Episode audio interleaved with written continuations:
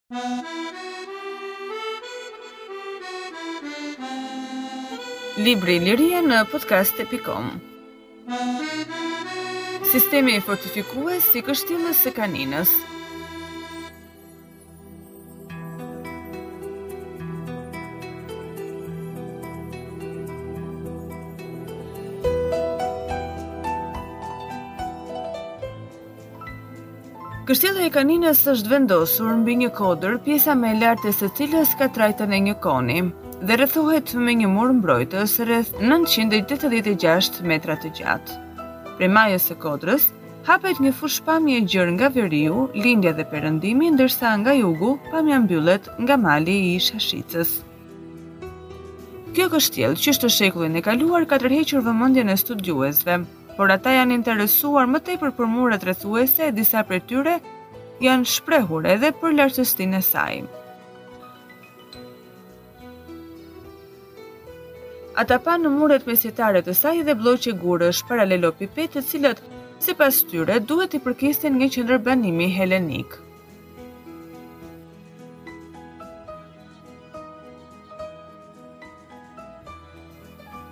Për të njohur më mirë këtë qendërbanim fortifikues dhe kulturën materiale të tij në periudha të ndryshme historike u bënë disa fushata gërmimesh.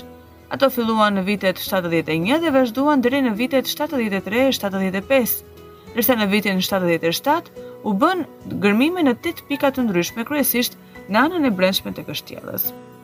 Në këtë punim do të parashtrojmë rezultatet e gërmimeve për zbulimin e studimit të murit rrethues në pikat C, C2 dhe D. Muri ilir, i zbuluar nga gërmimet në një gjatësi rreth 40 metra, ka të ruajtur vetëm këmishën e brendshme. Tre rreshtat e parë të blloqeve arrijnë deri në 1.28 metër lartësi. Ato kanë pasur një bazament me dy rreshta gurësh të mëdhenj të papunuar ose pak të punuar të vendosur në në tabanin shtufor, të cilët dalin 0.10-0.15 metra jashtë murit. Guri i përdorur për ndërtimin e murit rrethues të fazës së parë është gur gëlqeror i butë që punohet lehtë. Ai është nxjerrë në guroren e malit fqinj të Shashicës. Trajta e blloqeve të zbuluara është kuadratike. Disa prej tyre anojnë nga trapezoidalët. Blloqet kanë gjatësi të murit pothuajse të njëjtë, Më të mëdhenjtë arrijnë deri në 1.50 metra të gjatë, kurse ato me gjatësi mesatare arrijnë deri në 0.85 metra. Një element teknik konstruktiv shumë i rëndësishëm për murin ilir është përdorimi i gurlidhësve tërthorë. Ata lidhnin paretet e murit me qëllim që të shtonin rezistencën e tij. Në murin e kështjellës së Kaninës, gurlidhësit këmbehen me distanca të barabarta çdo 2.5 metër. Ky element konstruktiv në muret rrethuese të qyteteve të lashta është i zakonshëm edhe njihet qysh në shekullin e 5, por përsoset nga fundi i këtij shekulli. Në muret rrethuese të qyteteve ilire, gurlidhësit e tërthortë janë përdorur në shekujt 4-3 para erës sonë. Në murin ilir të kështjellës së Kaninës është përdorur sistemi izodomik kuadratik, sistem ky i aplikuar si në muret e rrethimit, ashtu edhe në ato të tempujve apo ndërtesave të tjera monumentale të periudhës klasike dhe veçanërisht asaj helenistike në Greqi. Në vendin tonë, sistemi izodomik ka patur një përhapje të gjerë te ndërtimet mbrojtëse. Zbulimi i gjurmëve të murit ilir, faza Kanina 1, si në të gjitha anët e kështjellës te gërmimet ashtu edhe në vrojtimet, tregon për ekzistencën në kohën antike të një rrethimi të plotë i cili ka ndjekur relievin natyror të terrenit të kodrës.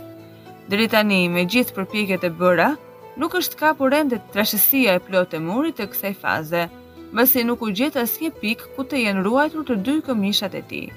Trashësia maksimale që ka muri është në pikën C, 2.35 metra. Ndoshta ka qenë trashësia e mureve rrethuese të periudhës ilire.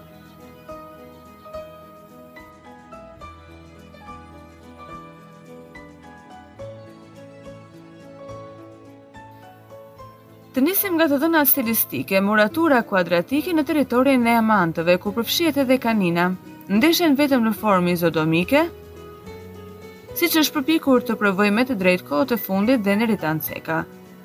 Kjo muraturë është hasur edhe në qytete të tjera të ngritura gjatë gjysmës së dytë të shekullit 4 para erës sonë. Datimin e mësipërm e mbështesim edhe në të dhënat e gërmimeve. Në përgjithësi, në të gjitha pikat ku gërmimet arritën deri në taban, në themelet e mureve, u gjetën një tok objektesh arkeologjike që i takojnë kësaj periudhe. Midis gjetjeve të ndryshme, vendin kryesor e zë qeramika e cila përfaqësohet nga enë të pijes si skifos, kupa, kilika e të tjerë të zbukuruara me ornamente anësh apo thjesht me vërnik të zi të shkëlqyeshëm. Këto tipe enësh gjejnë analogji me ekzemplar të tjerë zbuluar në qendrat e Ilirisë së Jugut, të datuara në këtë kohë. Me sistemin fortifikues të periudhës ilire, lidhej edhe një portë mbeturinat e së cilës u zbuluan në skajin lindor të kështjellës. Në këtë anë, kodra është më pak e pjerët dhe vendi i përshtatshëm për hapjen e një porte. Gjatë gërmimeve në anën e brendshme të portës në krahun e djathtë të saj, u gjetën mbeturina blloqesh kuadratike, që i përkasin ka të ngjarë një korridori të brendshëm, për të cilën hë për hë nuk mund të jepen përmasa dhe rekonstruksioni i tij nuk mund të bëhet. Brenda kështjellës, gërmimi nxori në dritë një portë me përmasa më të vogla dhe me një gjerësi prej 1.30 metrash dhe të kufizuar nga dy blloqe guri kuadratike të ripërdorura. Në të djathtë të portës është ruajtur këmisha e brendshme e një muri 0.78 metra i gjatë dhe 0.55 metra i lartë, i ndërtuar me gur Mesatarë, në trajtë pllakash, pak të punuara dhe me blloqe guri, tulla e tegula të ripërdorura. Gjashtë pikë pesë deri në shtatë pikë pesë të trasha e tegula solene e kaliptere të lidhura me një llaç të përbërë prej gëlqere dhe zhavorr. Mënyra si është ngritur muri tregon për një ndërtim të dytë të portës së mesjetës. Dëshmi për këtë është edhe gjetja e një shtrese të hollë të kësaj kohe me materiale ndërtimi si gur, tulla, llaç dhe dy monedha bronzi, njëra prej gjysmës së dytë të shekullit 10 dhe tjetra e shekullit 11.